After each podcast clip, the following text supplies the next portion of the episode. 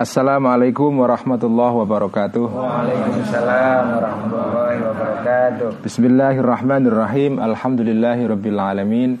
Wassalatu wassalamu ala asyrafil mursalin sayyidina wa habibina wa maulana Muhammadin wa ala alihi wa ashabihi wa man tabi'ahum bi ihsanin ila yaumiddin. Rabbi syrah li sadri wa yassir li amri wa hlul 'uqdatam min lisani yafqahu qawli. Rabbi zidna ilma wa rizqna fahma. Amin. Ya rabbal alamin. Amma ba'du. Saudara-saudara sekalian malam ini ngaji ikhya agak spesial karena dilangsungkan di Yogyakarta di rumah sahabat saya yaitu uh, eh, Dr. Ahmad Munjid yang ada di sebelah kanan saya didampingi oleh Kiai Faisal Kaman Bobat uh, dan teman-teman lain dari uh, teman-teman di sekitar uh, Pandanaran ya Kiai Munjid ya. Yeah. Ada santri Pandanaran juga di sini. Uh, Saudara-saudara sekalian, uh, malam ini uh, kita akan ngaji ikhya dan masuk kepada satu bab baru uh, mungkin sekedar menyegarkan ingatan uh, kitab Ihya ini dibagi atas uh, empat jilid ya. Pertama adalah uh, tentang ibadah atau uh, seperempat tentang ibadah, kemudian yang kedua adalah seperempat tentang muamalah dan yang ketiga serta yang keempat jadi jilid ketiga dan empat yang terakhir adalah tentang uh, tema utama kitab Ihya yaitu yang berkaitan dengan penyakit hati dan obat-obatnya ya. Yang dalam istilah Al-Ghazali disebut dengan al-muhlikat itu adalah penyakit hati dan kemudian al-munjiat yang merupakan obat dari penyakit-penyakit hati. nah, seperti kita tahu bahwa pada uh, pengajian Ihya selama tiga tahun ini saya konsentrasinya adalah pada uh, jilid ketiga kitab Ihya uh, yaitu yang berbicara secara spesifik mengenai penyakit-penyakit yang bisa merusak uh, kehidupan rohani manusia, bisa merusak uh, kehidupan hatinya seorang manusia ya. Nah, pada bab tentang penyakit-penyakit hati ini ada sub-sub bab ya, ada 10 bab Dua bab yang pertama sudah uh, saya baca dan itu butuh waktu tiga tahun membaca dua bab saja. nah, jadi uh, bab yang berikut ini adalah masuk ke delapan bab yang merupakan inti pokok dari uh, tema jilid ketiga kitab Ihya yaitu mengenai al-muhlikat ya. Mengenai penyakit-penyakit yang bisa merusak kehidupan rohani manusia. Mari kita Uh, saya malam ini hanya membaca kitab Ihya saja karena biasanya saya membaca dua kitab. Kitab yang satu adalah Himayatul Kana Esfil Islam yaitu tentang ajaran perintah untuk melindungi gereja menurut agama Islam. Tapi karena kalau saya ngaji dua kitab nanti kelamaan ya. Tapi saya akan ngaji satu kitab saja yaitu kitab Ihya pada malam hari ini. Dan mari kita membaca Al-Fatihah dulu sebelum mengaji kitab ini. Kita hadiahkan kepada mu'alif kitab ini yaitu Imam Ghazali. Dan kita hadiahkan juga kepada guru-guru kita, orang-orang tua kita, saudara-saudara kita, sahabat-sahabat kita. Dan juga kita hadiahkan kepada para pendiri eh, ormas-ormas Islam di Indonesia terutama Nahdlatul Ulama dan Muhammadiyah dan juga kepada para pendiri negara kita. Ila arwahihim jami'an al-Fatihah. A'udzubillahi minasyaitonir rajim. Bismillahirrahmanirrahim. Alhamdulillahirabbil alamin arrahmanir rahim maliki yaumiddin. Iyyaka na'budu wa iyyaka nasta'in ihdinas siratal mustaqim siratal ladzina an'amta 'alaihim ghairil maghdubi 'alaihim waladdallin. Amin. Bismillahirrahmanirrahim. Taala wa nafa'ana bihi wa bi 'ulumihi fid dharain amin rabbi yassir wa a'in.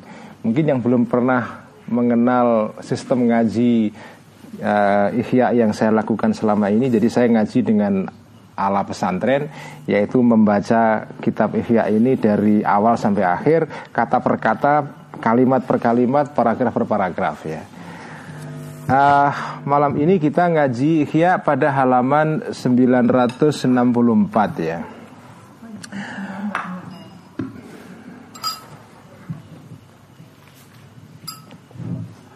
Kita masuk ke halaman 964 Masuk kepada bab tentang kita buka sri syahwata ini Bismillahirrahmanirrahim kita buka sri syahwata ini Ini adalah kitab tentang menaklukkan dua syahwat ya. Dua syahwat yang merupakan eh, syahwat utama atau uh, kehendak utama yang ada pada manusia.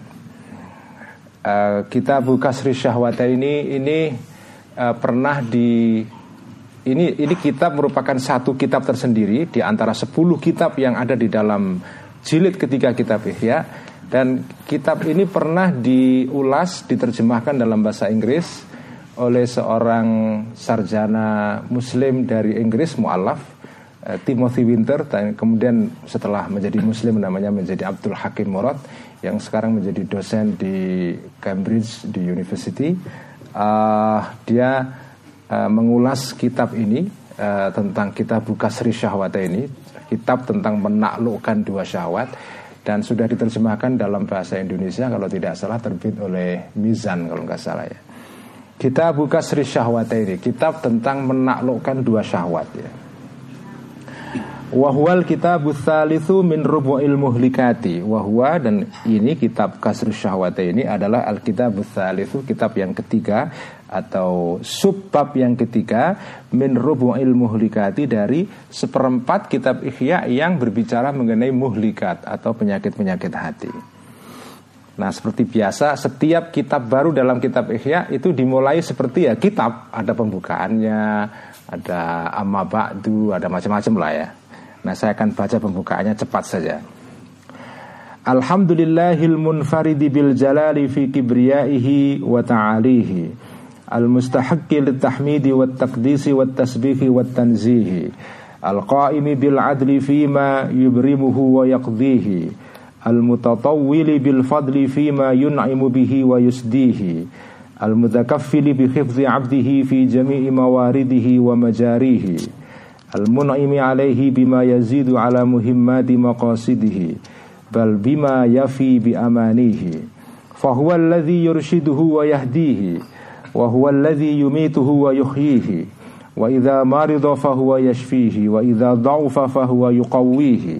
وهو الذي يوفقه للطاعة ويرتضيه. وهو الذي يطعمه ويسقيه ويخفضه من الهلاك ويحميه. ويحرسه بالطعام والشراب عما يهلكه ويرديه ويمكنه من القناعة بقليل القوت ويقربه حتى تضيق به مجاري الشيطان الذي يناويه ويكسر به شهوة النفس التي تعاديه فيدفع شرها ثم يعبد ربه وينكيه ويتقيه. هذا بعد أن يوسع عليه ما يلتذ به ويشتهيه.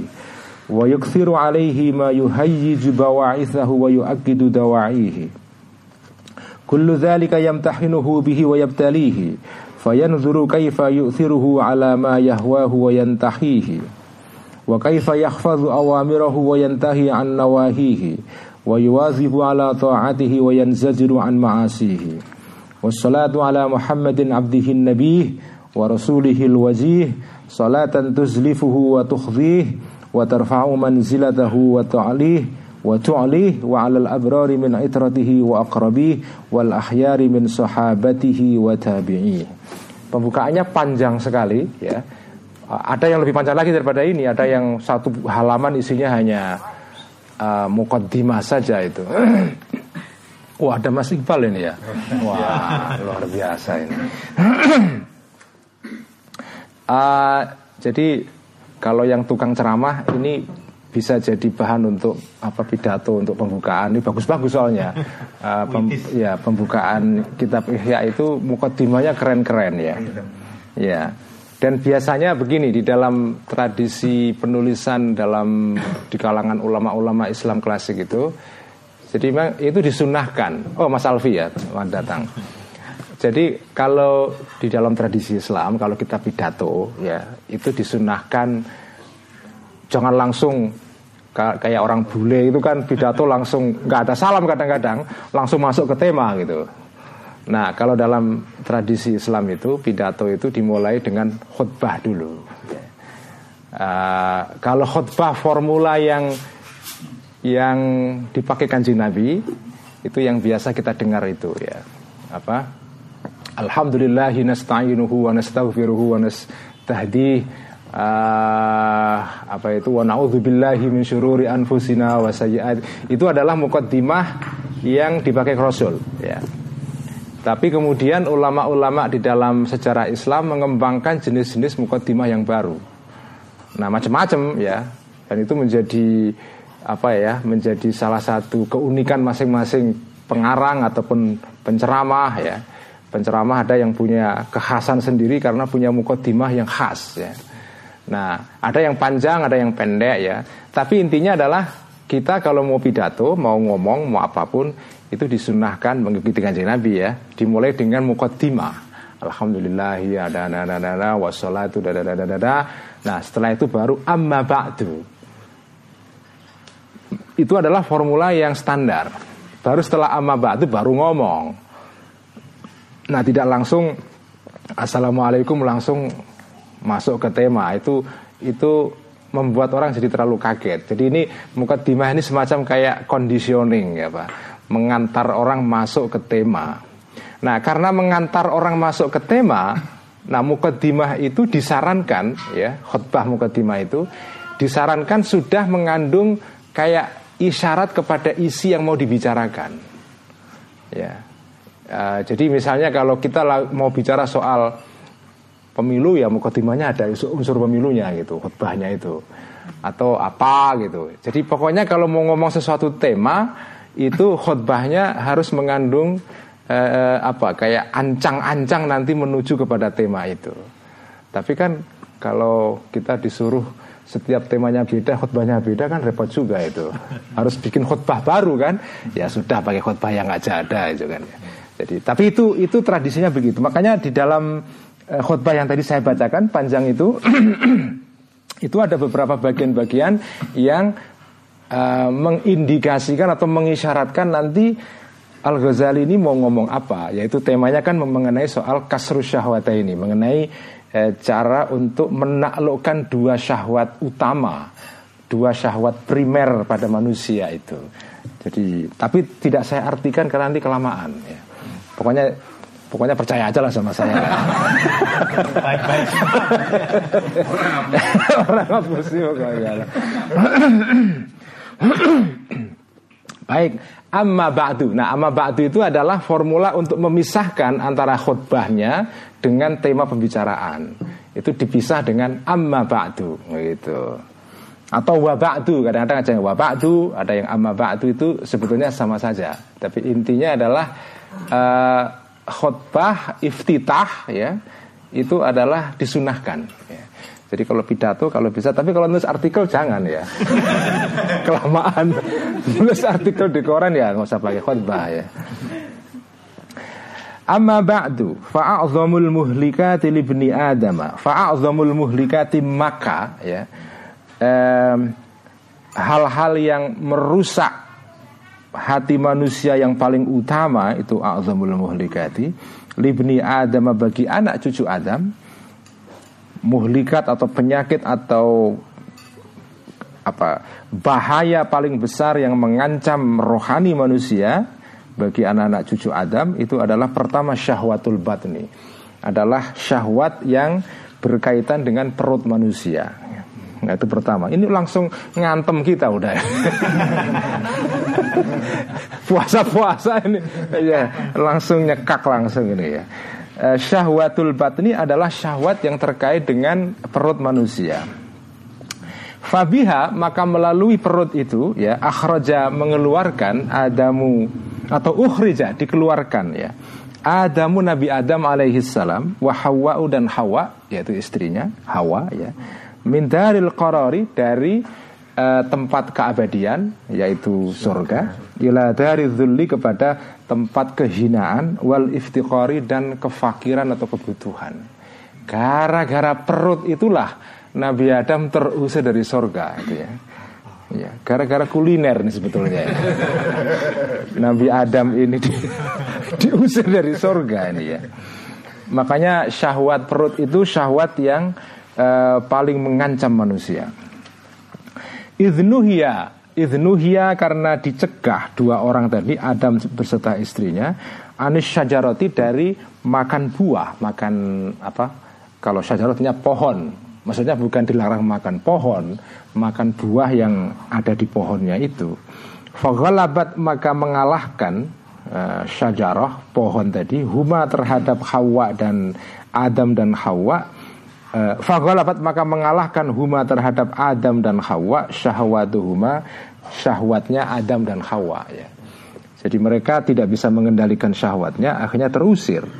Hatta akala sehingga makan kedua orang tadi Adam dan Hawa minha dari syajarah dari pohon tadi setelah mereka makan fabadat makan nampak lalahuma bagi kedua orang tadi sawatuhuma uh, apa auratnya atau uh, apa sawah itu sesuatu yang menjadi sumber kemaluan.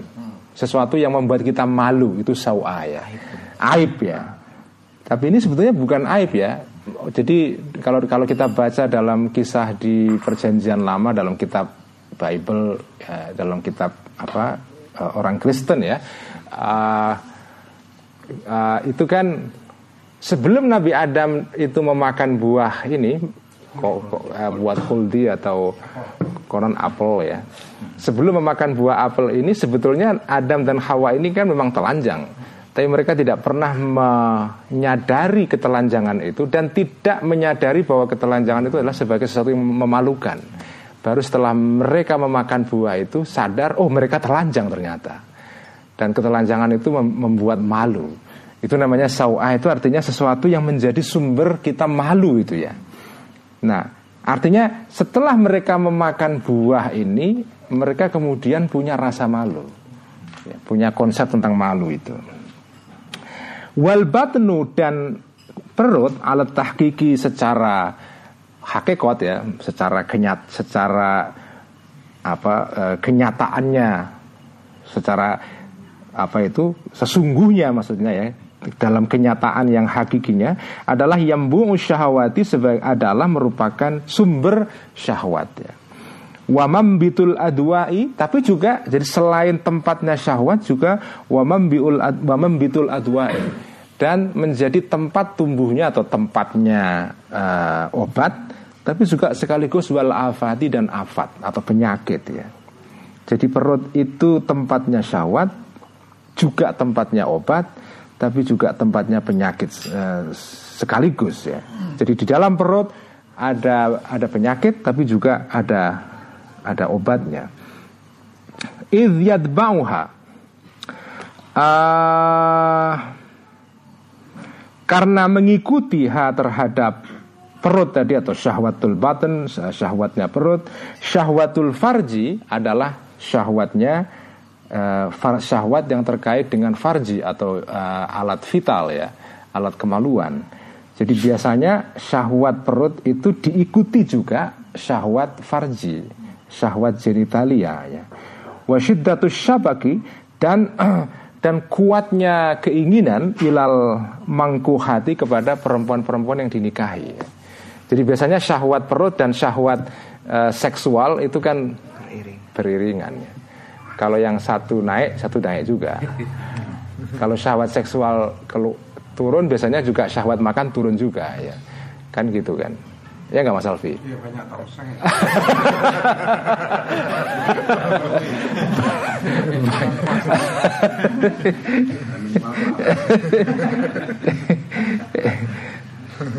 Summa bau kemudian mengikuti syahwatut ta'a uh, uh, tatba'u kemudian mengikuti syahwat ta'ami terhadap syahwat makanan wan nikahi dan nikah ya.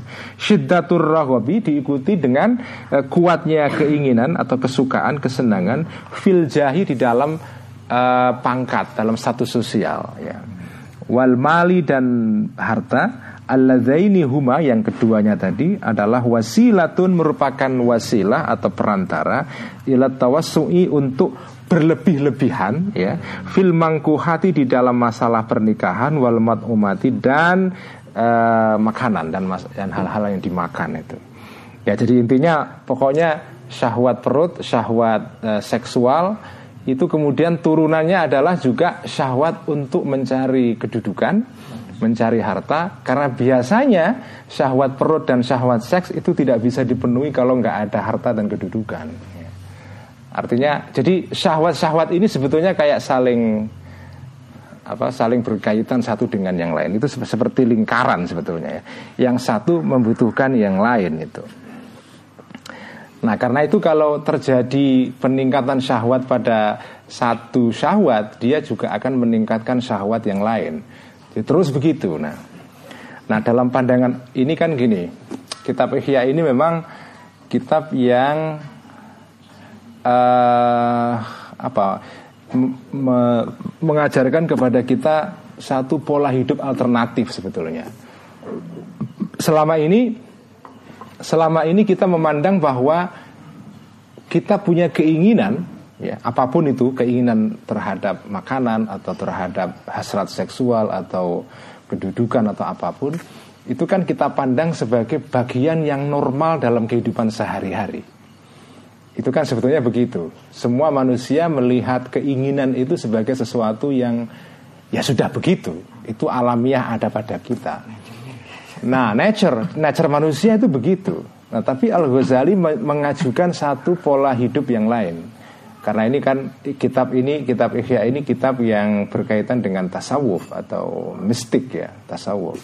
Nah, di dalam pandangan Al Ghazali, oh enggak, itu enggak normal sebetulnya apa yang kita anggap normal selama ini sebetulnya itu tidak normal. Karena cara hidup yang menormalkan tadi-tadi itu, hasrat-hasrat itu, itu ada akibat-akibat yang destruktif pada jangka panjang ya. Nah, kalau kita mau hidup terutama kalau mau menjalani kehidupan rohani yang sehat ya, yang akan membawa kita kepada keselamatan yaitu di akhirat nanti, maka tidak ada cara lain kecuali menempuh satu uh, pola hidup yang beda. Nah, pola hidup yang beda ini ditandai dengan beberapa hal.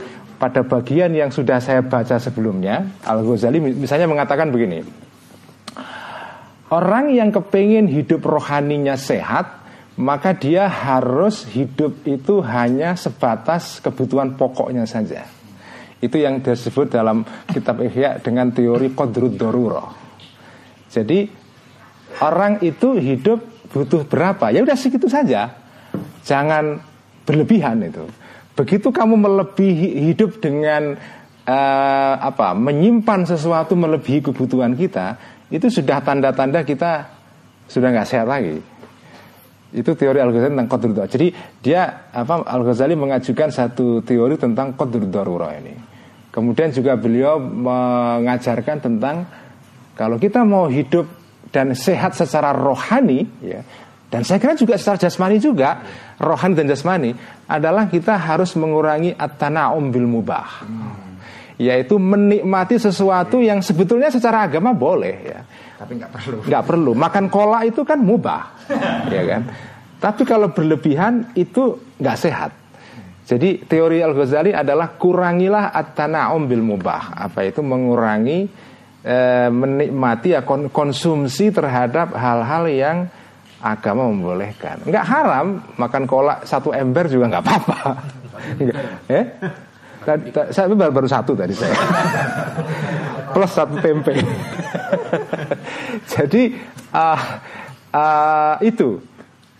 Nah yang menarik buat saya adalah uh, sebetulnya kan pola hidup yang kodrut dorurah ini sekarang kan sebetulnya mulai jadi pola hidup baru kan. Beberapa kalangan kelas sosial di terutama di kota-kota ya mulai mereka mengurangi konsumsi-konsumsi yang tidak perlu kan yang sekarang disebut dengan gaya hidup decluttering itu apa? Decluttering itu artinya adalah atau zero waste ya, uh, nol sampah, nol sampah, mengurangi penggunaan plastik, penggunaan peng, penggunaan apa macam-macam lah, pestisida, uh, pokoknya semuanya kalau bisa itu dibatasi kepada kebutuhan yang mendasar saja itu, minimalisme ya, minimalis itu. Sangat mendasar.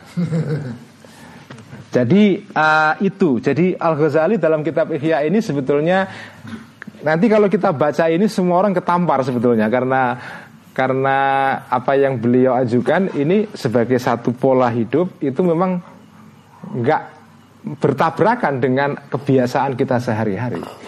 Tapi buat saya menarik dan menurut saya ini salah satu alternatif yang buat saya patut diperhitungkan kalau kita mau hidup eh, secara secara sehat baik pada tingkat rohani maupun jasmani itu.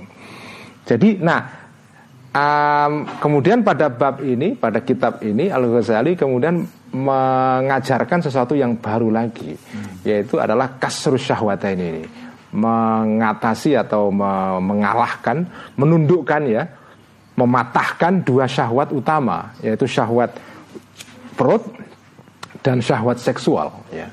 Itu itu yang yang yang beliau ajukan itu nah dua syahwat ini ini kan dua syahwat utama di sekitarnya itu ada syahwat-syahwat pendukung sebetulnya syahwat pendukungnya adalah tadi itu syahwat atau keinginan hasrat untuk berkuasa dalam istilah yang lain beliau juga menggunakan istilah riasah ya Riasah itu artinya adalah hasrat kita untuk menguasai orang lain, mendominasi.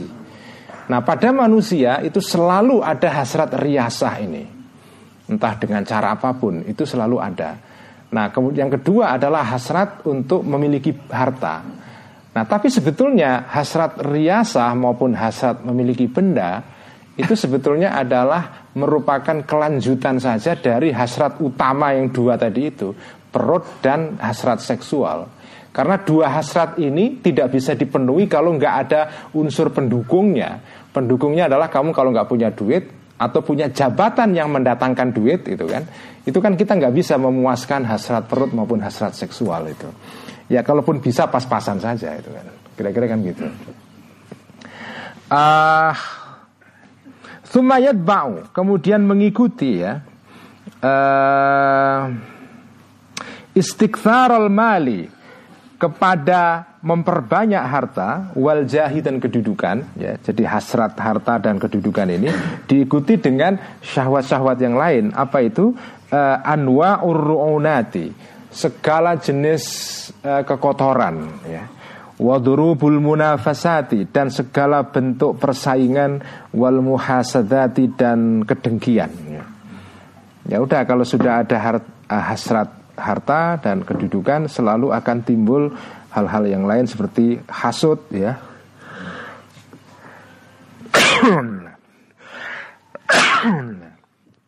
Apa persaingan yang tidak sehat itu. Sumayatawalladu kemudian muncul bainahuma di antara apa persaingan dan kedengkian itu afatur riyai ya. Hmm. uh, afat berupa ria atau pamer ya wa ilatut tafakhuri dan apa bahaya untuk saling umuk. Apa umuk itu apa ya? Uh, pam, um, apa umuk itu ya? Umuk. Umuk itu bahasa Jawa apa ya artinya? Apa? Ya men saling menyombong apa? Unjuk. Unjuk, unjuk. show off atau yeah. ya kira-kira gitu pamer ya atau kebagus gitu ya Watakathuri dan saling apa itu ya berbanyak-banyakan, saling apa uh, saling adu luweh ya. Wal kibriyai dan uh, kesombongan ya. Ya udah, pokoknya kalau sudah kita terjebak dalam syahwat uh, harta dan uh, apa kedudukan, maka akibatnya konsekuensi logisnya adalah itu at-tafahur at-takathur al-kibriya jadi kita um, sombong ya atau menyombongi orang lain atau menyombongkan diri tafakhur itu ya menyombongkan diri kemudian uh, ya ter, apa berlomba-lomba untuk saling memperbanyak hak milik atau sesuatu atau apa pun dan kesombongan. Kemudian menjadi apa menjadi um, ya tada'a itu runtuh atau kolaps gitu ya. Tapi artinya di sini adalah thumma yatada'a kemudian um, berlanjut zalika semua sifat-sifat tadi itu um, menuju ilal khikdi kepada kedengkian wal hasadi dan kehasudan wal adawati dan permusuhan wal baghdoi dan uh, kemarahan. Ya udah pokoknya itulah eh, sifat-sifat destruktif pada manusia. Itu semua sebetulnya kalau diusut-usut Ya sumbernya adalah dua syahwat tadi itu Perut dan hasrat seks ya. Sumayufdi Kemudian e, mendatangkan Kemudian e, membawa Zalika sifat-sifat tadi itu Bisohibihi terhadap Orang yang memiliki sifat tadi itu Ilaktihamil bagi Untuk melakukan Untuk menunggangi Melakukan maksudnya uh, Al-bagi um, apa uh, melanggar hak orang lain tuh al baghi ya melanggar orang hak lain wal mungkari dan uh, kemungkaran wal fahsyai dan kekejian. Wa kullu nah kalau mau di peras-peras kenapa itu semua muncul wa kullu dzalika dan semua tadi samratu ihmalil maidati adalah buah dari membiarkan perut wama dan sesuatu yatawalladu yang muncul minha dari perut ya. Berupa apa? Membatori shibai berupa apa? Bator itu kalau bahasa pesantrennya itu lacut ya. Masih kenal nggak bahasa lacut itu? Eh? Apa ya? Lacut itu apa bahasa Indonesia-nya itu ya? Eh? Oh enggak, enggak ada kaitan lacut dengan kebacut itu.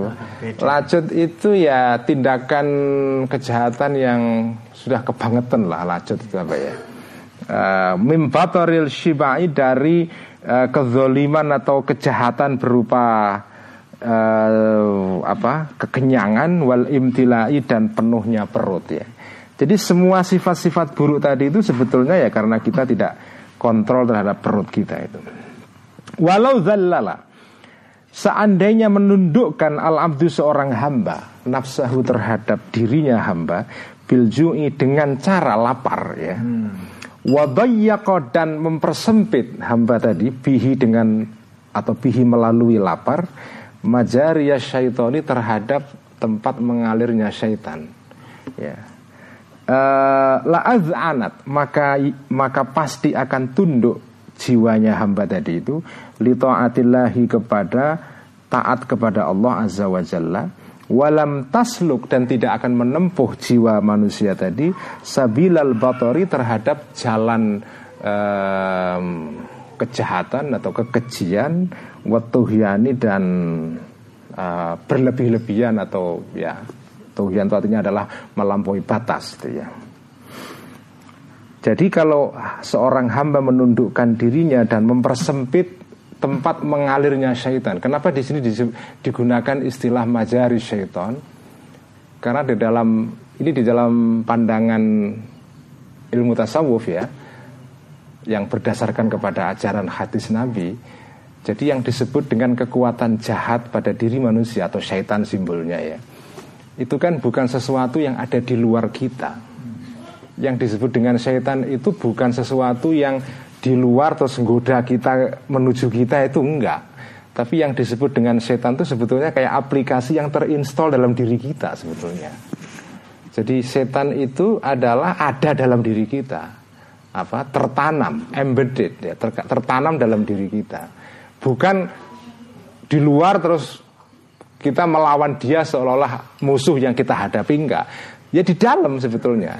Ya, jadi uh, karena itu disebutnya sebagai setan itu adalah seperti majari setan. Setan itu seperti uh, punya tempat di dalam tubuh kita yang menjadi tempat mengalir dia. Jadi dia itu kayak kayak darah sebetulnya. Darah yang berada dalam diri kita dan mengalir ke seluruh tubuh kita itu. Dengan kata lain, yang disebut dengan setan itu sebetulnya ada dalam diri kita, bukan di luar kita itu.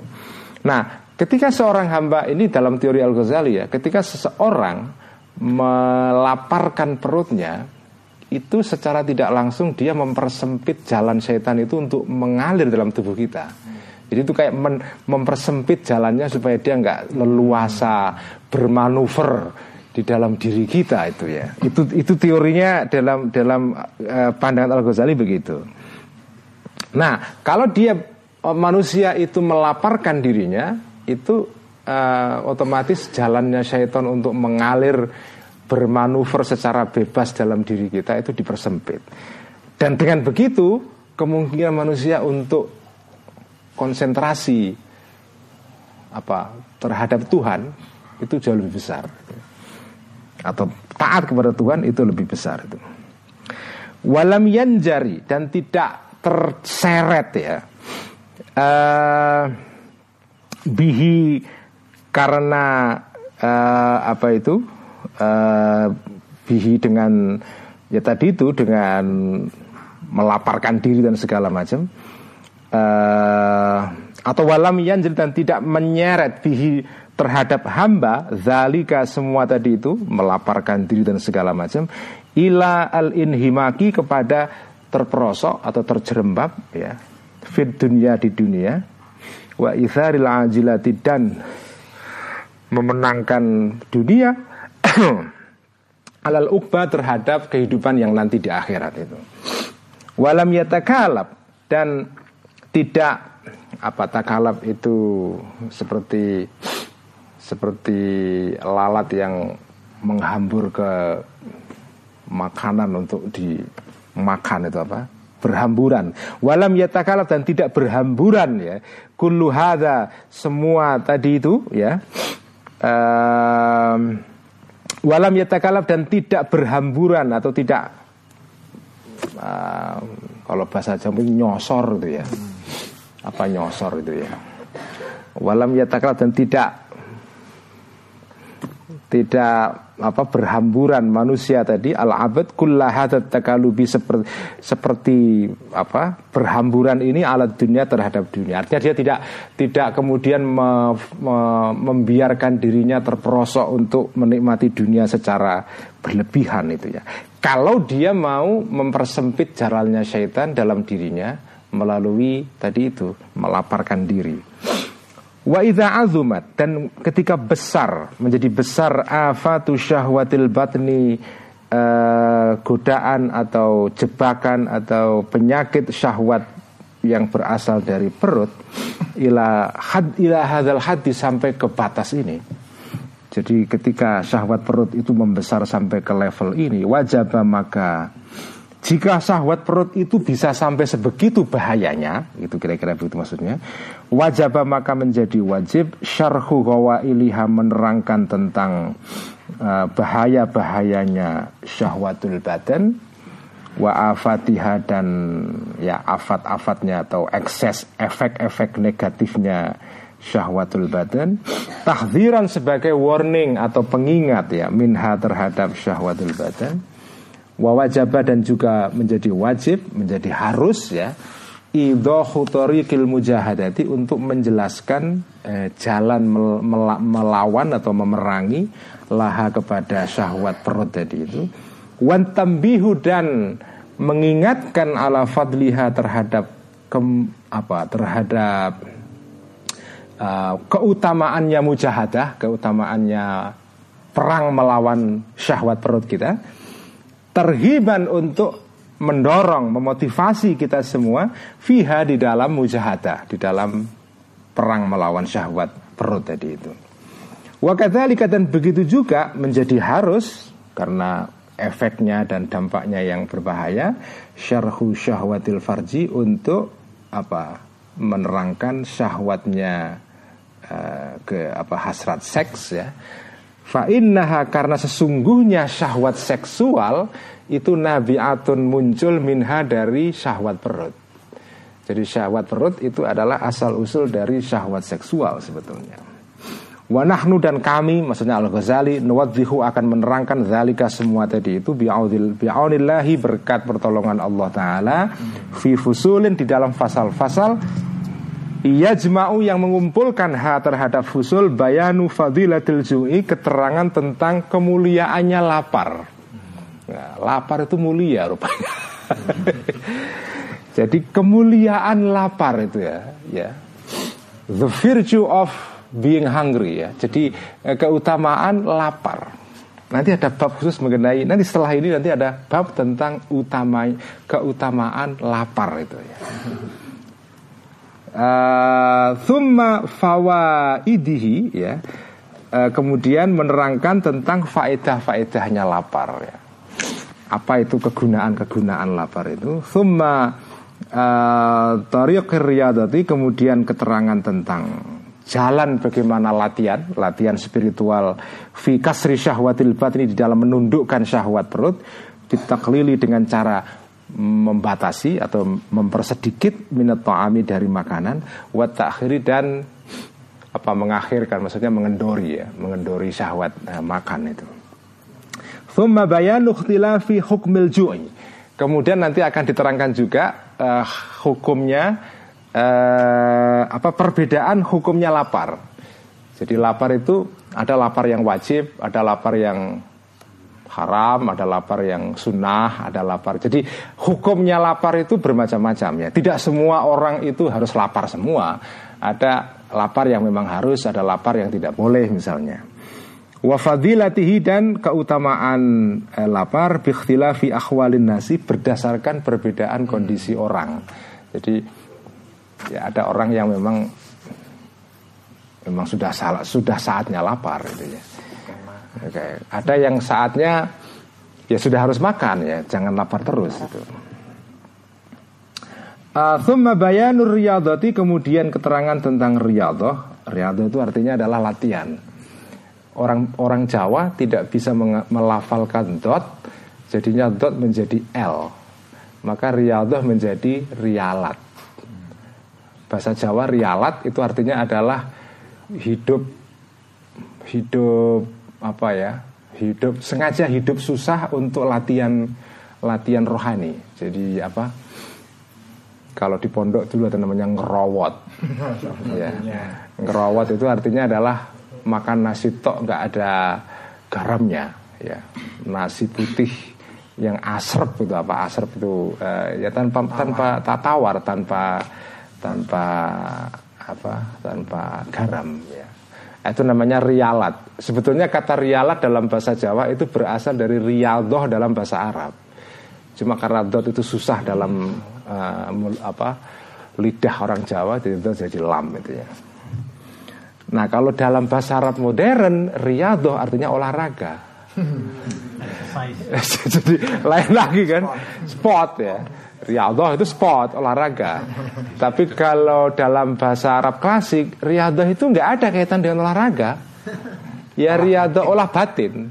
Riyadoh itu olah batin. Lah kok sekarang jadi olahraga? Jadi apa? Iya. Olahraga. Jadi jadinya lompatan semantik yang jauh banget itu kan. E, dari olah batin menjadi olahraga itu. Jadi kalau dalam kitab tasawuf ada istilah riyadho itu nggak ada kaitan dengan sport itu sama sekali nggak ada. Ya artinya adalah olah batin itu. Thumma bayanur riyadati kemudian keterangan diikuti dengan keterangan tentang rialat riyadho fitar kisyahwati di dalam meninggalkan syahwat. Tumal kaulu kemudian membicarakan, mendiskusikan fi syahwatil farji tentang tentang syahwatnya uh, sek, uh, seksual. Thumma bayanu ma kemudian menerangkan sesuatu alal muridi yang harus dilakukan uh, kepada seorang murid ya.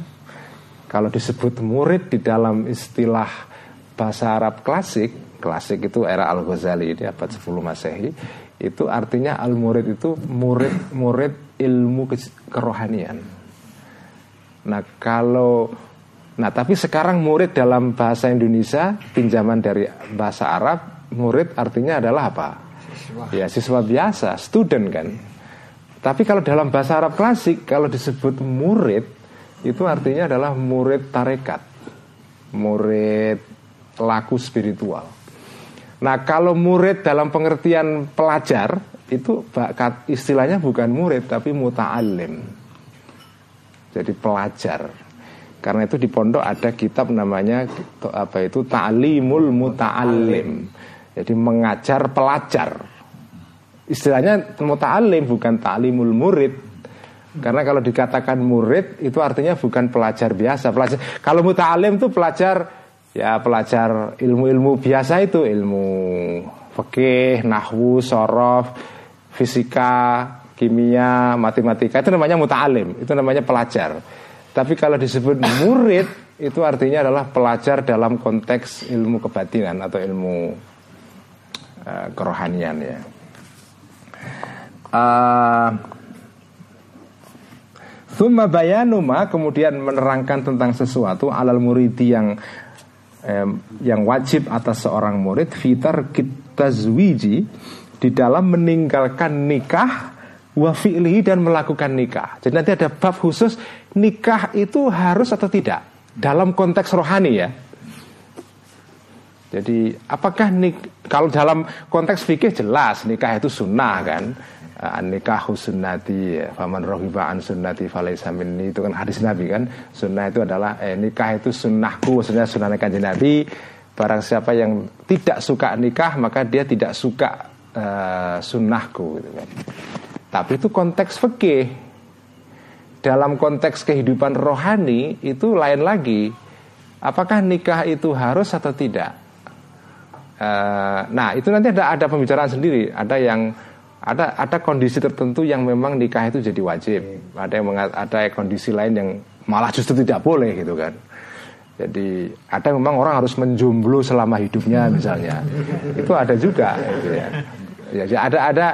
Jadi soal menikah itu di dalam pandangan Al Ghazali, di dalam kaitannya dengan ilmu tasawuf ini, itu hukumnya tidak seragam. Ya. Nah kita nggak boleh mengatakan, oh kalau gitu Al Ghazali itu menentang hadis Nabi dong. Gitu.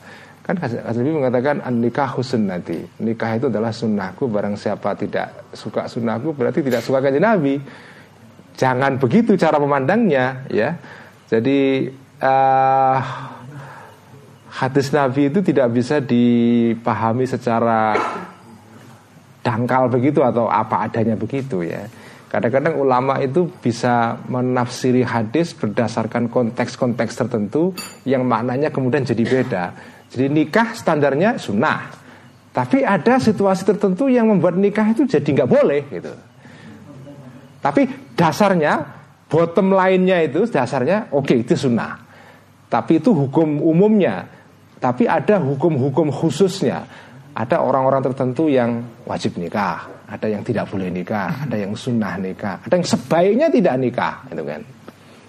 Kan banyak ulama-ulama besar Islam di zaman dulu yang nggak nikah selama hidupnya. Ya, jomblo abadi. Itu kan ada, misalnya Imam Nawawi, bukan Nawawi Banten ya, Imam Nawawi sepuh yang ngarang kitab ya Syafi'i. Uh, itu tidak nikah selama hidup. Ibnu Taimiyah itu tidak nikah selama hidup ya. Jadi banyak bahkan ada buku khusus buku tentang ulama-ulama yang menjomblo selama hidupnya. itu ada kitab khusus itu, Kitabul Ulama Il Ozab itu. Jadi kitab tentang ulama-ulama yang tidak pernah nikah selama hidupnya. Itu banyak ada ada kisah-kisahnya itu. Apakah ulama itu tidak suka eh, sunahnya kanjeng Nabi? Enggak juga. Jadi jangan jangan memahami hadis Nabi secara eh, apa ya dangkal itu ya. Thumma bayanu fadilatiman Kemudian keterangan tentang keunggulan atau keutamaan orang Yukhalifu yang melawan syahwat al batni terhadap syahwatnya perut Wal farji dan syahwatnya farji Wal aini dan mata ya. Sudah berapa menit ya? Udah, udah jam 10 ya Tambah dikit ya betah. Masih betah ya? Eh? Kolak masih ada kok.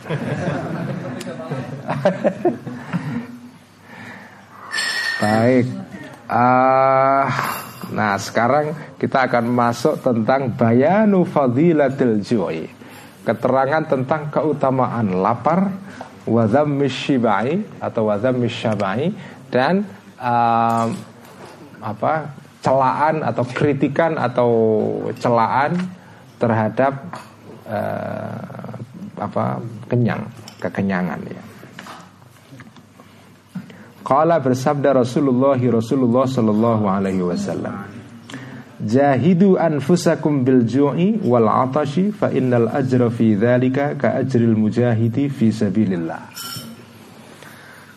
Jadi ini nanti kitab ini dimulai dengan kutipan-kutipan hadis beserta ayat Quran ya untuk menunjukkan bahwa kitab Ihya itu strukturnya Al Ghazali ketika membahas sesuatu masalah itu selalu ketika beliau masuk ke bab baru itu dia membahasnya dengan struktur yang sistematis.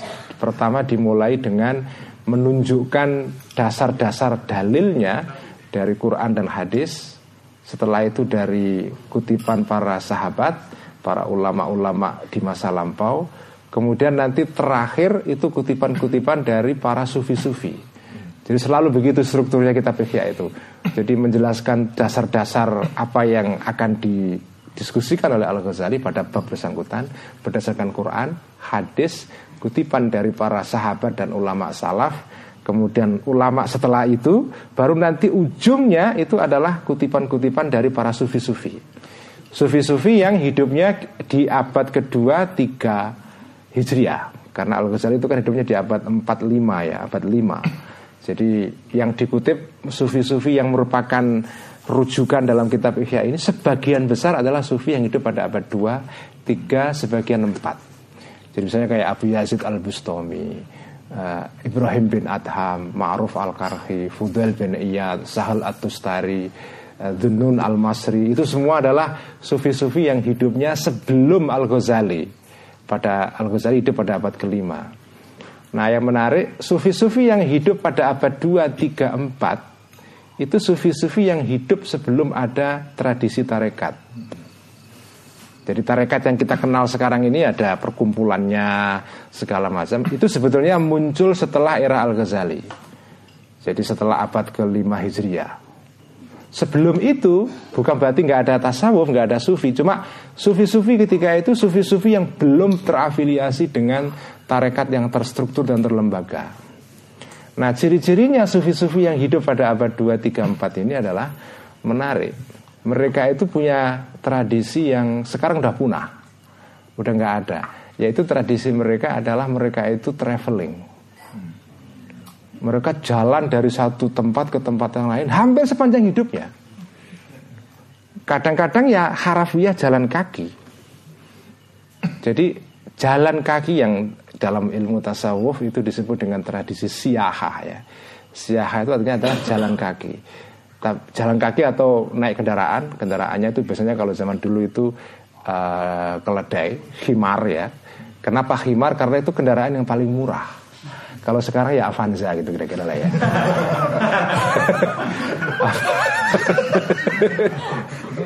uh, apa selain murah juga bensinnya irit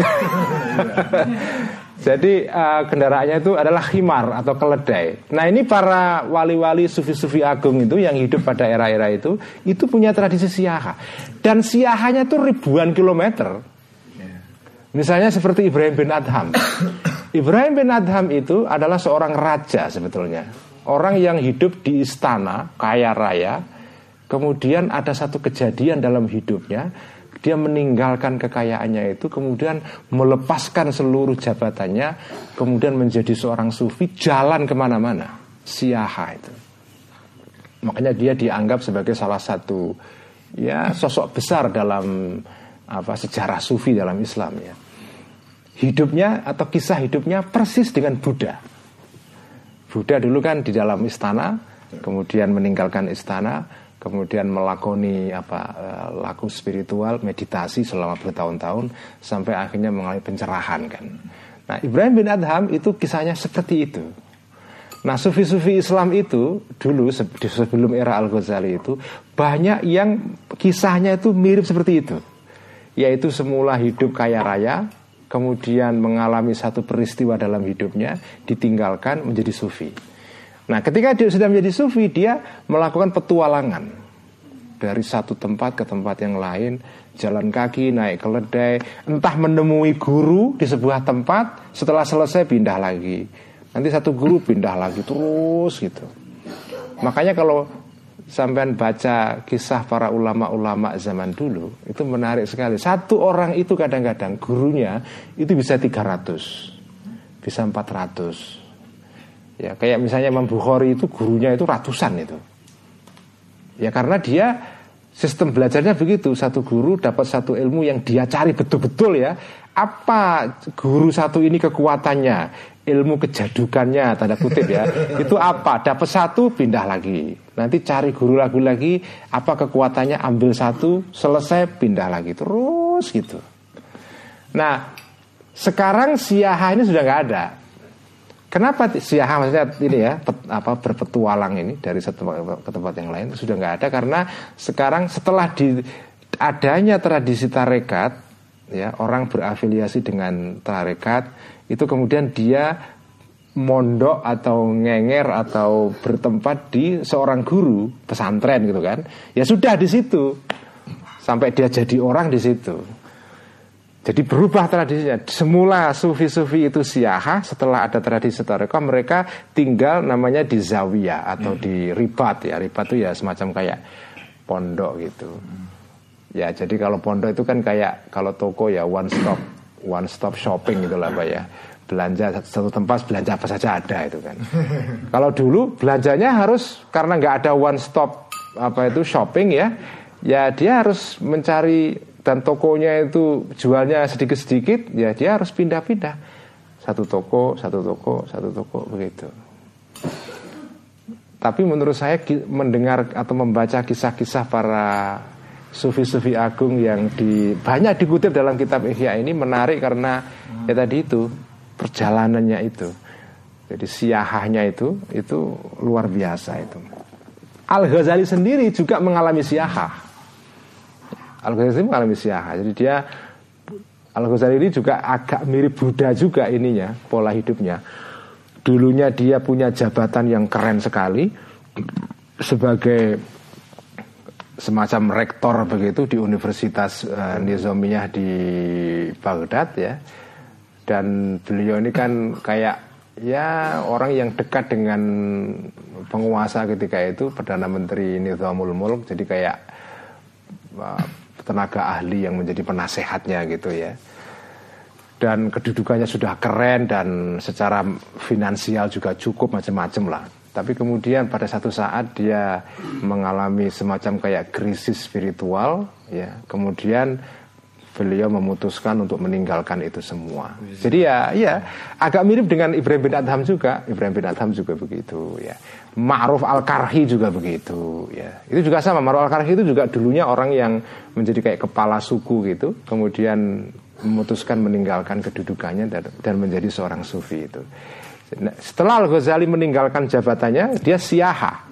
Dari Baghdad dia jalan menuju ke apa itu uh, Yerusalem, Palestina ya.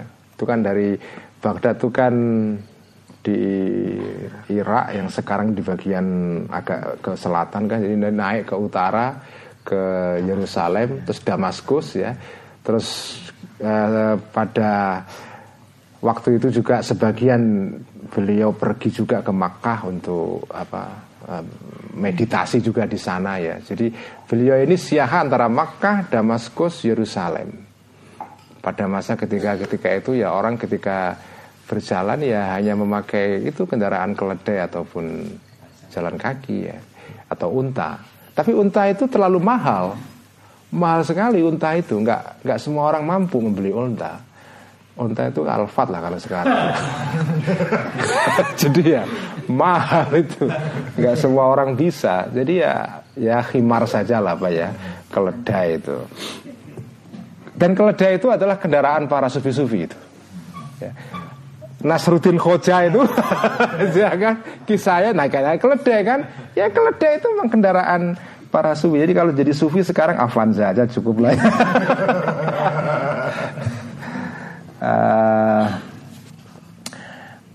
ya. uh, berkata ya, Rasulullah Rasulullah Shallallahu Alaihi Wasallam jahidu perangilah anfusakum terhadap Eh, jiwa-jiwa uh, atau nafsu-nafsu kalian biljui dengan cara lapar wal atoshi dan apa haus ya fa innal ajro karena sesungguhnya pahala fidzalika dalam lapar dan haus tadi itu itu adalah ka'ajril mujahidi seperti pahalanya seorang yang jihad itu. Uh, fi sabilillah di dalam jalan Allah. Wa innahu dan sesungguhnya um, apa domir sya'an keadaan berikut ini laisa tidak ada. Ya.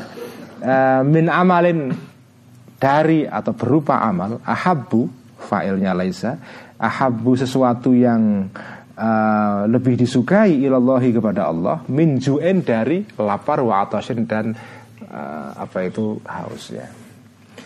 Ini hadis memang kalau di dalam standar ilmu hadis ya itu hadis ini dianggap lemah ya. Keterangan di bawah itu hadis ini tidak ada lam azid lahu aslan. Tidak ada dasarnya. Jadi memang salah satu kritik terhadap kitab Ihya Al-Ghazali salah satunya biasanya di, kitab Ihya kritik karena hadis-hadisnya ada yang lemah bahkan ada yang palsu ya dan seterusnya.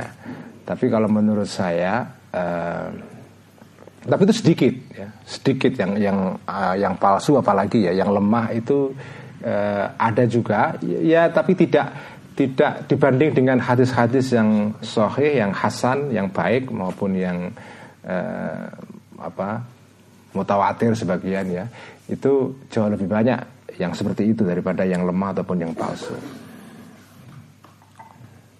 Dan memang itulah sebabnya kenapa orang-orang itu yang tidak suka tasawuf itu adalah orang-orang itu menuduh para ahli-ahli sufi itu sukanya adalah hadis-hadis yang tidak ada sanatnya, tidak ada dasarnya atau yang lemah eh, sanatnya ya. Tapi kalau menurut saya apa ya? Ya sufi-sufi itu pertama memang eh, apa?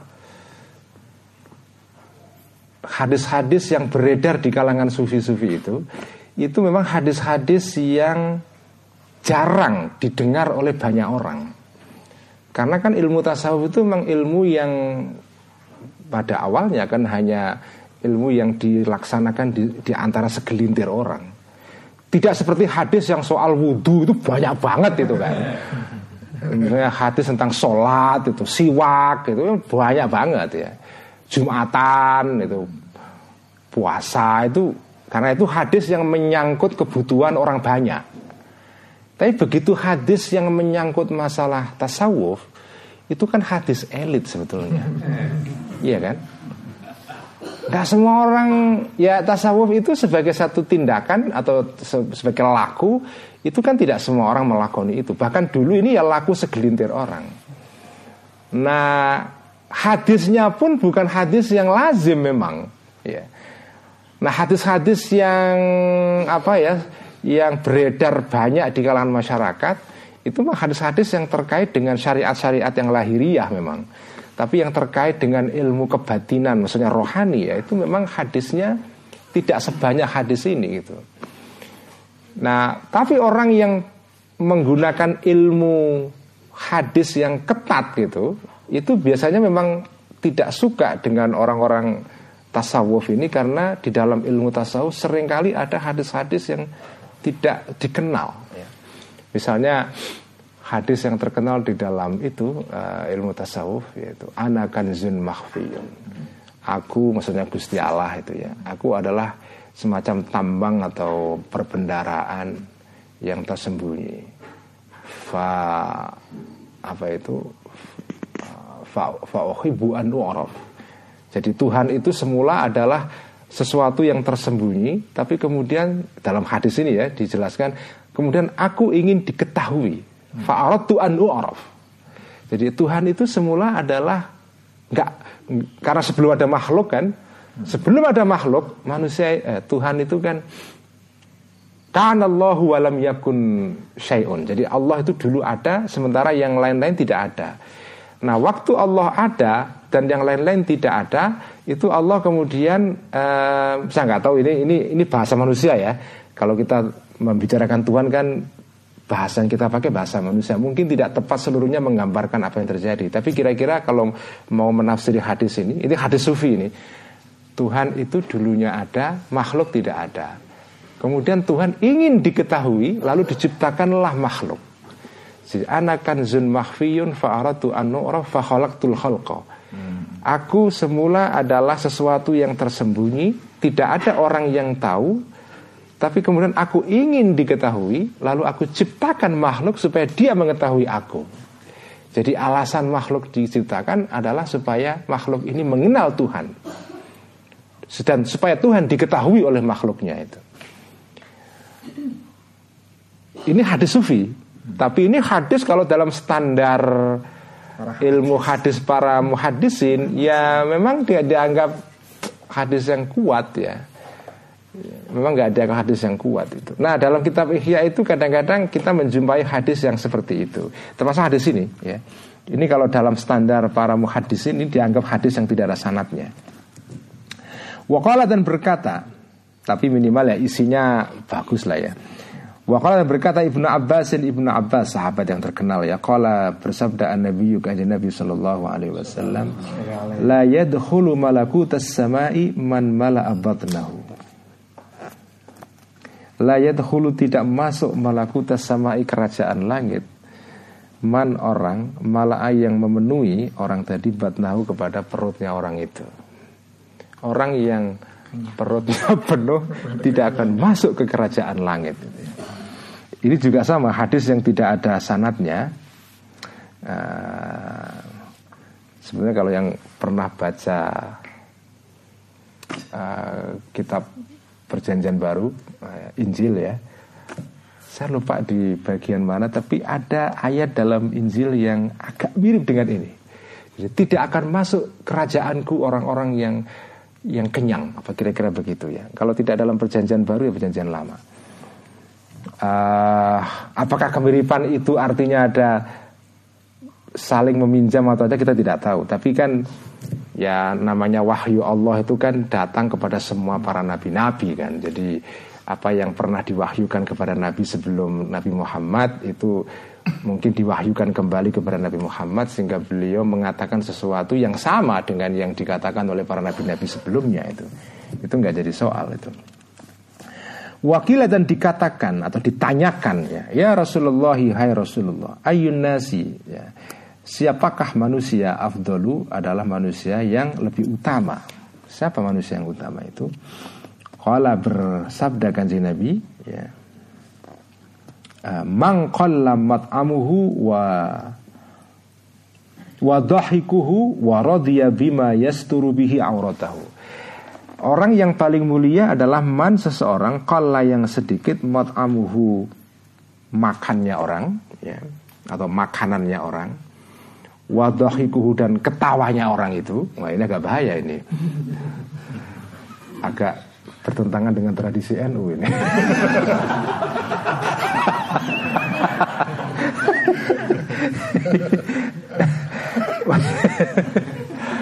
Warodia dan suka atau ridho terima maksudnya nerimo ya bima dengan sesuatu ia seturu yang uh, menutupi orang tadi itu bihi dengan ma tadi aurat tahu kepada auratnya itu. Ya intinya adalah orang yang melakukan yang orang yang tidak terlalu over over consumption, cover konsumsi, tidak berlebihan dalam bermakan dan ketawa dan segala macam itu ya.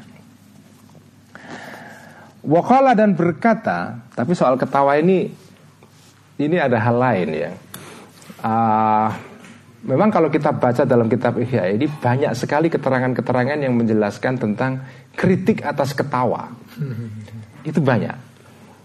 Nah, ketawa yang kebanyakan itu dianggap sebagai tindakan yang akan mengeraskan hati manusia itu ya.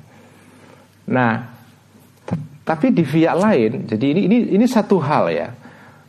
Uh, di dalam konteks orang ingin menjalani kehidupan rohani atau tasawuf ya, yang menjalani kehidupan tarekat atau apa ya, itu memang kalau anda sudah ingin menjalani kehidupan itu, anda harus siap untuk menempuh pola hidup yang kontras dengan kehidupan normal sehari-hari. Makannya dikurangi secara drastis, minumnya dikurangi drastis, tidurnya juga sama ya uh, yang diperbanyak adalah khalwatnya. Itu kalau kita sudah niat masuk ke kehidupan ini, ya. Jadi segala halnya dikurangi semua. Nah, ketawa yang berlebihan dalam konteks kehidupan yang seperti ini menjadi berbahaya karena berarti Anda ya masih hidup seperti apa? Business as usual apa? Masih seperti biasa. Kalau kamu sudah ingin menjadi seorang sufi ya Anda harus berani mengambil resiko kurangi semuanya, langsung dipotong semua itu. uh, apa itu kadarnya, dosisnya, makan, minum, kehidupan seksual, um, ketawa-ketawa, rokok, ngopi, apa, semuanya kurangi semua itu dan banyak jalan-jalan dan banyak jalan-jalan dan holwat itu ya. Iya.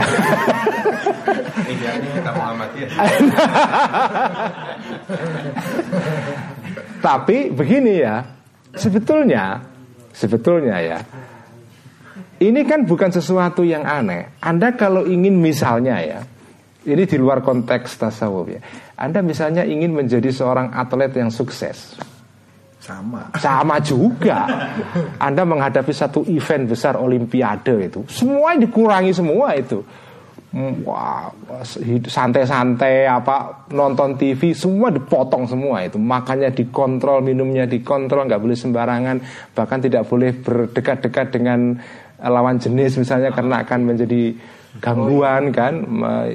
Jadi orang yang ingin mencapai satu prestasi yang excellent yang yang puncak dalam bidang apa pun itu dia harus berani melakukan satu eh, jalan atau pola hidup yang betul-betul drastis kontras dengan kehidupan sehari-hari. Jadi kira-kira ini adalah orang yang mau ingin jadi atlet rohani ya begini. Riyadoh tadi. Riyadoh tadi. Olah batinnya memang harus luar biasa. Karena Anda ingin jadi seorang sufi yang yang sukses. Nah kalau Anda ingin jadi orang biasa sehari-hari tentu ilmunya lain. Tetapi walaupun begitu, jadi kitab Ihya ini memang kitab Ihya ini kalau dibaca agak mengagetkan karena wah seolah-olah kok ketawa nggak boleh, terus kulineran nggak boleh, semuanya serba nggak boleh. Tapi harap diingat kitab Ihya ini adalah panduan untuk orang yang sudah niat menjadi seorang yang excellent dalam bidang rohani. Artinya dia sudah sudah niat jadi seorang sufi yang ya tingkatannya mungkin yang nggak sampai Ibrahim bin Adham ya, tapi kira-kira menuju ke sana. Nah, nah. Kamu ingin jadi seorang yang ya memang excellent ya, yang mencapai prestasi yang tertinggi di dalam kehidupan rohani. Nah, meskipun begitu, ilmu ihya ini ilmunya tetap bisa kita gunakan untuk orang biasa seperti kita. Jadi misalnya tadi itu mengurangi makanan, mengurangi minuman, mengurangi atanaum bil mubah tadi itu ya, menikmati halal yang mubah. Itu memang kalau kalau ilmu itu mau dijalankan konsisten untuk seorang sufi itu harus kadarnya tinggi. Tapi kalau orang biasa kayak kita mungkin tidak akan kadarnya sampai 70-80 persen, ya mungkin cukup 10-20 persen. 0,7.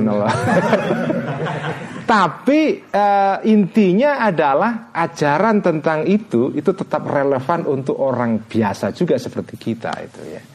Jadi apa kasru syahwatin misalnya menaklukkan dua syahwat ini itu ya relevan bukan saja untuk orang yang ingin menjadi menjalani kehidupan rohani yang serius ya, tapi untuk orang biasa kayak kita itu juga relevan juga. Jadi jadi ihya ini memang tergantung kamu ini ingin seberapa. Ingin menjadi sufi yang luar biasa agung ya, mau menerapkan secara 100% bisa. Mau ngambil, jadi ini kayak anu lah diet mau ngambil Paket berapa? Paket 100%, 70, 60, 5 tergantung keuangan kita cukup berapa. Kalau cukup hanya beli satu paket yang 30%, paket Pak Eko ya, ya ya nggak apa-apa ya. Jadi yang ekonomis juga bisa. Jadi tapi intinya menurut saya apa yang ditulis dalam kitab Ihya ini ajaran kebenaran. Jadi relevan untuk semua orang dan semua resepnya itu bisa dijalankan oleh semua orang pada tingkat rohani mana pun itu. Nah, tapi karena tingkat rohani itu beda-beda, jadi ya kita melaksanakannya sesuai dengan uh, tingkat rohani kita itu ya. Saya mengatakan begini supaya orang yang ngaji ya tidak terteror. kecil hati. Ya, kecil hati. Karena kalau tidak, aduh, kok begini? Jauh panggang dari api. Iya. Saya sendiri yang baca juga ketakutan juga. Keras yang memang keras banget ini kita ya ini keras banget ya dan yang ditampar ya semua orang memang Waqala dan bersabda an-nabiyyu Nabi sallallahu alaihi wasallam. Sayyidul a'mali al-ju'u. Sayyidul a'mali pemimpin atau presiden amal ya. Uh, al-ju'u adalah lapar. Jadi kepalanya amal manusia itu adalah lapar. Wa dhullun nafsi dan uh, hinanya nafsu atau ya nafsu manusia. Maksudnya nafsu yang direndahkan, tidak dibiarkan egonya melambung ya, direndahkan itu. Wadhullun nafsi dan kehinaan nafsu atau jiwa manusia, libasus sufi adalah memakai baju wol apa uh, bulu ya bulu wol ya bulu itu.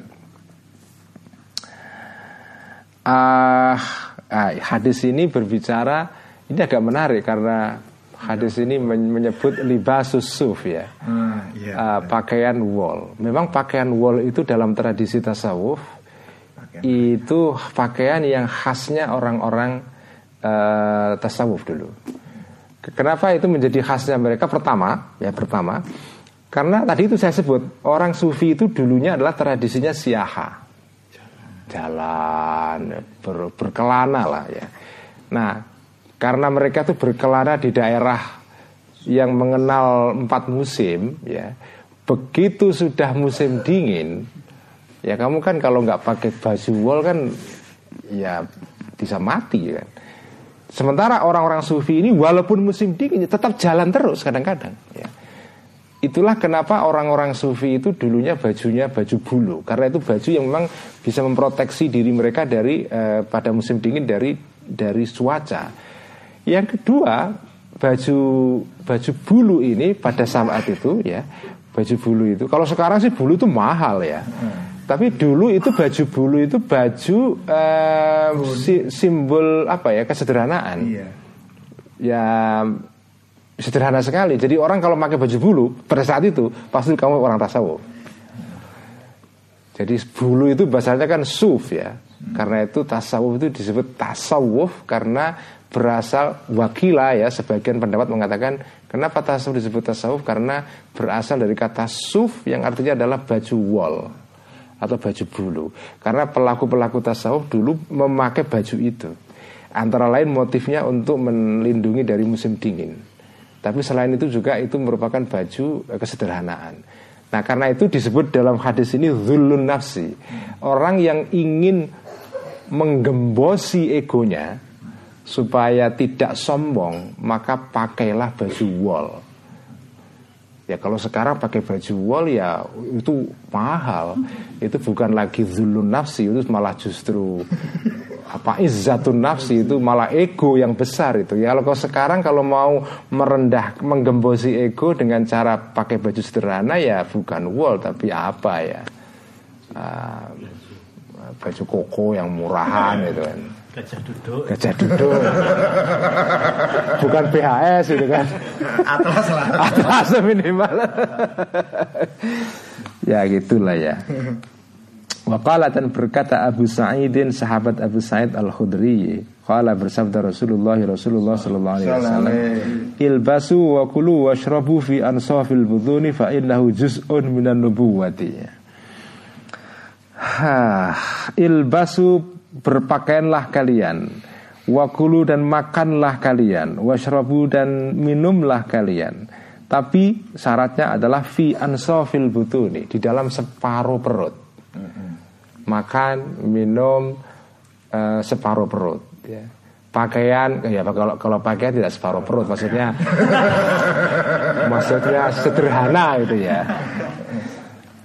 Fa innahu karena sesungguhnya apa itu ya uh, ansoful butun atau al madhkur min ansofil butun hmm. makan setengah setengah perut dan minum setengah perut itu adalah juz'un bagian minan nubuwati dari kenabian. Iya.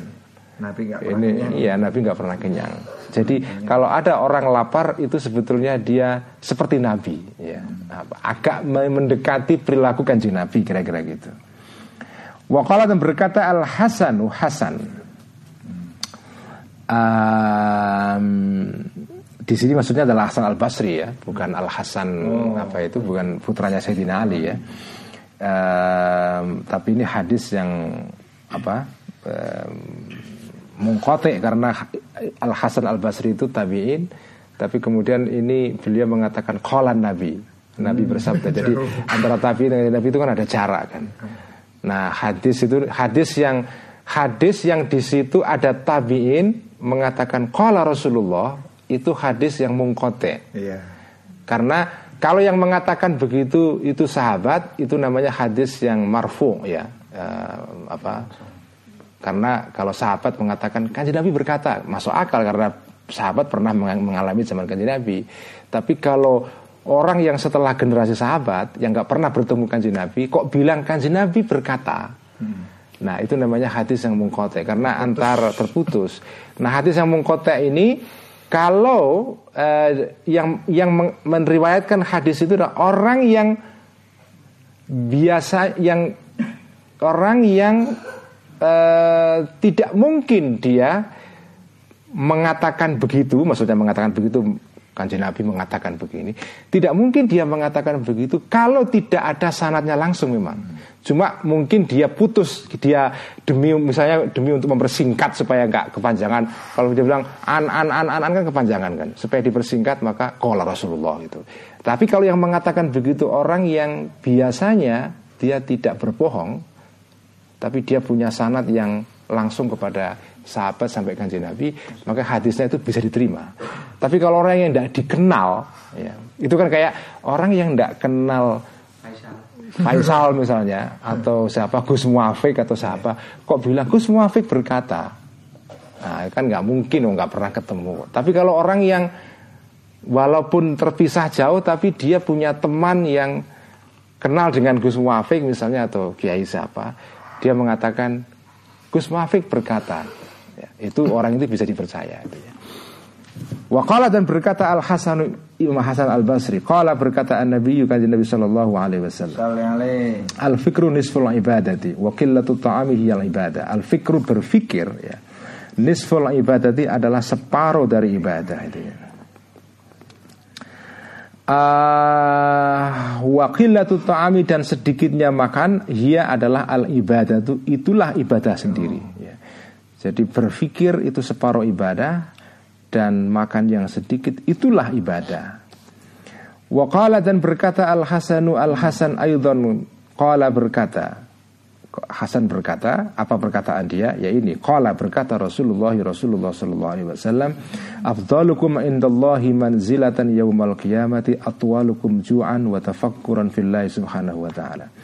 Afdalukum utama paling utama di antara kalian indallahi munggu menurut Allah ya manzilatan apa pangkatnya derajatnya yaumal kiamat pada hari kiamat atwalukum adalah orang yang paling lama di antara kalian juan laparnya. Yang paling lama lapar itulah yang paling mulia di hadapan Allah di hari kiamat. Watafakkuron dan berfikirnya atau refleksinya atau ya, berfikirnya fillahi tentang Allah Subhanahu wa taala. Jadi orang yang banyak tafakur tentang Allah itu disertai dengan lapar. Jadi lapar plus tafakur. Poso kon mikir. Poso kon mikir berat itu ya. Ya apa tuh? Tapi tapi begini ya. uh,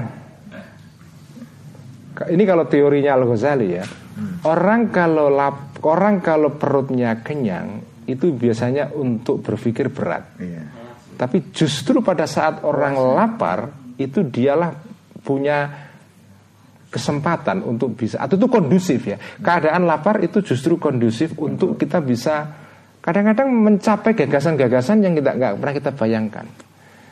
Makanya Ibnu Sina misalnya, Ibnu Sina itu seorang filosof besar dalam Islam ya. Dia mengatakan kalau di, saya kalau sedang ngarang kitab kok makan kelebihan kelebihan sedikit saja itu langsung berhenti ngarangnya. Hmm.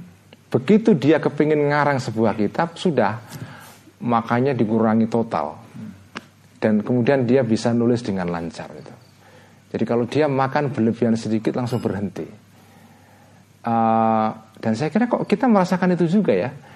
Pada saat pada saat kita, pada saat kere orang itu Oh, kan iya. itu kan nulis artikel itu Oh bener itu rajin sekali ya kan Betul.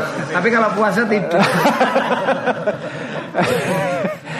begitu sudah dapat kiriman makan wah nggak jadi artikel malah kan jadi sebetulnya Pan nulisnya ngamuk. Em, ya saya, saya kira kok begitu ya. Jadi jadi lapar itu justru mengkondisikan untuk kita justru lebih kreatif sebetulnya ya. Karena itu tafakur itu dan lapar itu satu paket sebetulnya ya. Dan itulah yang membuat orang menjadi mulia derajatnya di mata Allah di hari kiamat nanti. Wa abghadukum dan eh, paling dibenci di antara kalian indallahi menurut Allah azza wajal yaumal kiamati pada hari kiamat nanti adalah kullu naumin. Setiap orang yang banyak tidurnya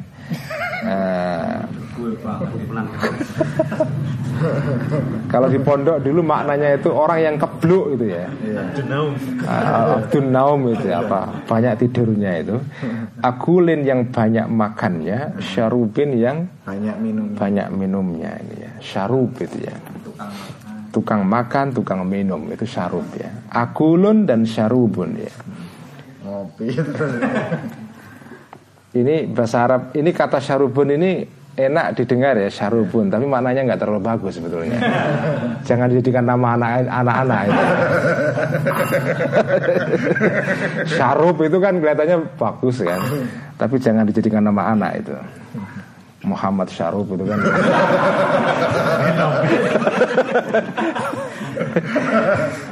Jangan ya apa ya. Karena sering kali orang orang kita itu kan kepengen anaknya namanya aneh-aneh gitu kan.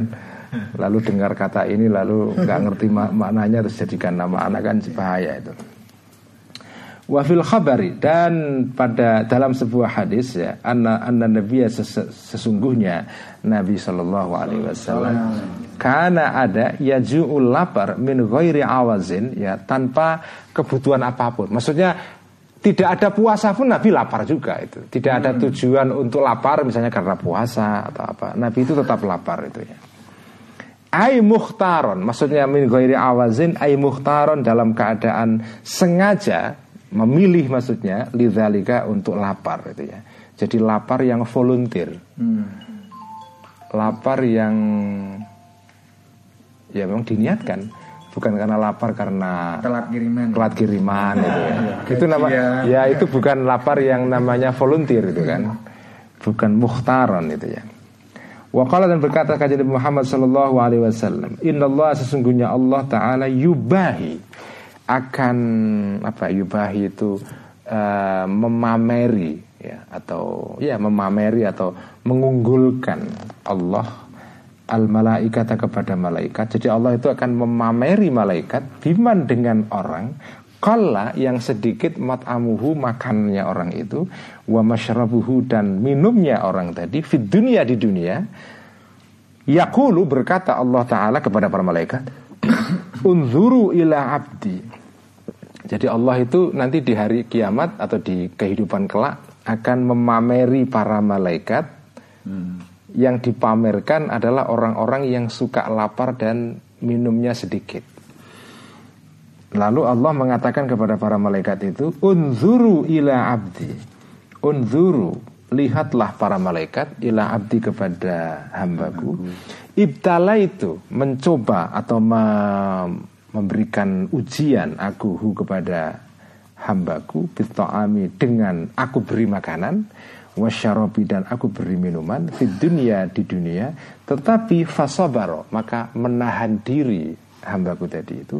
Wataroka dan meninggalkan hambaku tadi huma kepada ta'am dan syarab ya. Ishadu saksikanlah ya malaikati wahai malaikatku ya ma min aklatin yada'uha illa abdaltuhu biha darajatin fil jannah. Ma min aklatin tidaklah satu suap makanan kira-kira gitu ya. Yada'u yada'u yang meninggalkan ha kepada yada'u yang meninggalkan hambaku tadi ha kepada aklah makanan. Illa abdal tu kecuali mengganti aku hu kepada hambaku biha karena akalah tadi makanan tadi darojatin derajat-derajat fil jannati di surga. Setiap kamu skip makanan, maksudnya skip apa? Meninggalkan satu porsi makanan itu nanti diganti Tuhan di hari akhirat dengan satu kenaikan satu derajat. Hmm. Makin banyak makanan yang kita tinggalkan, makin naik derajatnya. Ya sebetulnya ini ini hadis-hadis ini kan disebutkan Al Ghazali untuk motivasi kita semua. Bahwa sebetulnya meninggalkan makanan itu adalah keutamaan. Uh, saya tambah satu hadis lagi. Waqala dan berkata kanjeng Nabi Muhammad Sallallahu Alaihi Wasallam. La tumitu jangan membunuh kalian ya, atau mematikan kalian al terhadap hati-hati kalian bikasrati ta'ami dengan banyaknya makanan wasyarabi dan minuman hmm. fa innal qalba karena sesungguhnya hati manusia kazar'i seperti tanaman yamutu akan mati idza kathura ketika menjadi banyak alaihi terhadap tanaman tadi al ma'u air jadi masuk akal juga ya jadi tanaman kalau kebanyakan air mati, manusia kebanyakan makanan mati juga. Jadi kebanyakan mengkonsumsi makanan secara eksesif itu membunuh manusia sebetulnya. Saya jadi ingat jadi ingat satu penjelasan yang menarik dalam bukunya Yuval Harari yang populer sekarang ini ya, um, apa uh, Homo sapien. Hmm. Uh, Harari kan mengatakan sekarang ini manusia modern yang mati karena penyakit obesitas hmm. atau penyakit gula ya penyakit gula itu jauh lebih banyak daripada orang yang mati karena dibunuh oleh teroris. Jadi penyakit gula itu membunuh orang jauh lebih banyak jumlahnya yang dibunuh daripada yang dibunuh oleh Al Qaeda, oleh ISIS. Total semuanya digabungkan itu itu lebih banyak yang dibunuh oleh penyakit gula.